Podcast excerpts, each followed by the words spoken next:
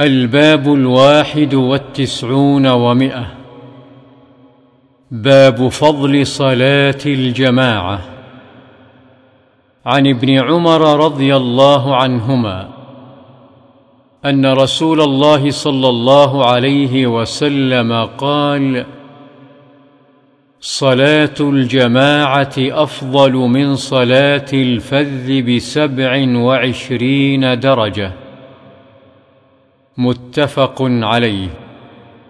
وعن أبي هريرة رضي الله عنه قال قال رسول الله صلى الله عليه وسلم صلاة الرجل في جماعة تضعف على صلاته في بيته وفي سوقه خمسا وعشرين ضعفا.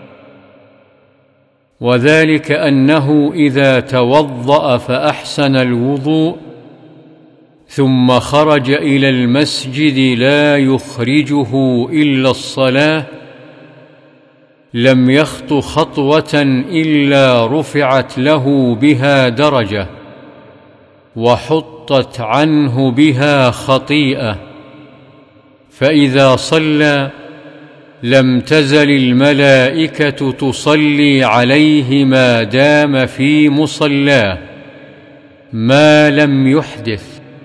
تقول اللهم صل عليه اللهم ارحمه ولا يزال في صلاة ما انتظر الصلاة. متفق عليه. وهذا لفظ البخاري. وعنه رضي الله عنه قال أتى النبي صلى الله عليه وسلم رجل أعمى فقال يا رسول الله إنه ليس لي قائد يقودني إلى المسجد. فسأل رسول الله صلى الله عليه وسلم أن يرخص له. فيصلي في بيته فرخص له. فلما ولى دعاه فقال هل تسمع النداء بالصلاة؟ قال نعم. قال فأجب. رواه مسلم. وعن عبد الله وقيل عمرو بن قيس المعروف بابن أم مكتوم المؤذن رضي الله عنه أنه قال يا رسول الله إن المدينة كثيرة الهوام والسباع. فقال رسول الله صلى الله عليه وسلم تسمع حي على الصلاة حي على الفلاح فحي هلا. رواه أبو داود بإسناد حسن. ومعنى حي هلا تعال.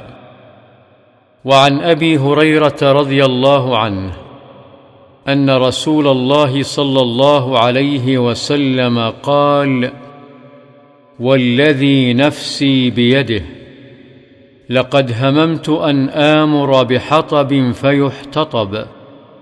ثم آمر بالصلاة فيؤذن لها ثم آمر رجلا فيؤم الناس ثم أخالف إلى رجال فأحرق عليهم بيوتهم. متفق عليه. وعن ابن مسعود رضي الله عنه قال من سره أن يلقى الله تعالى غدا مسلما فليحافظ على هؤلاء الصلوات حيث ينادى بهن.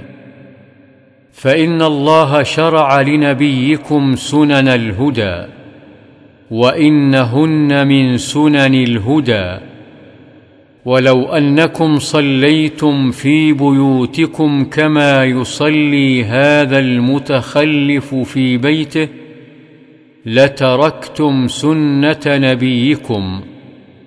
ولو تركتم سنة نبيكم لضللتم. ولقد رأيتنا وما يتخلف عنها إلا منافق معلوم النفاق. ولقد كان الرجل يؤتى به يهادى بين الرجلين حتى يقام في الصف. رواه مسلم.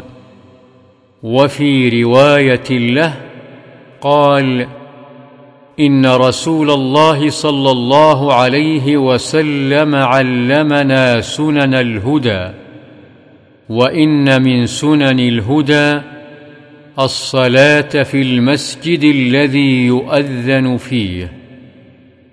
وعن أبي الدرداء رضي الله عنه قال سمعت رسول الله صلى الله عليه وسلم يقول ما من ثلاثة في قرية ولا بدو لا تقام فيهم الصلاة إلا قد استحوذ عليهم الشيطان.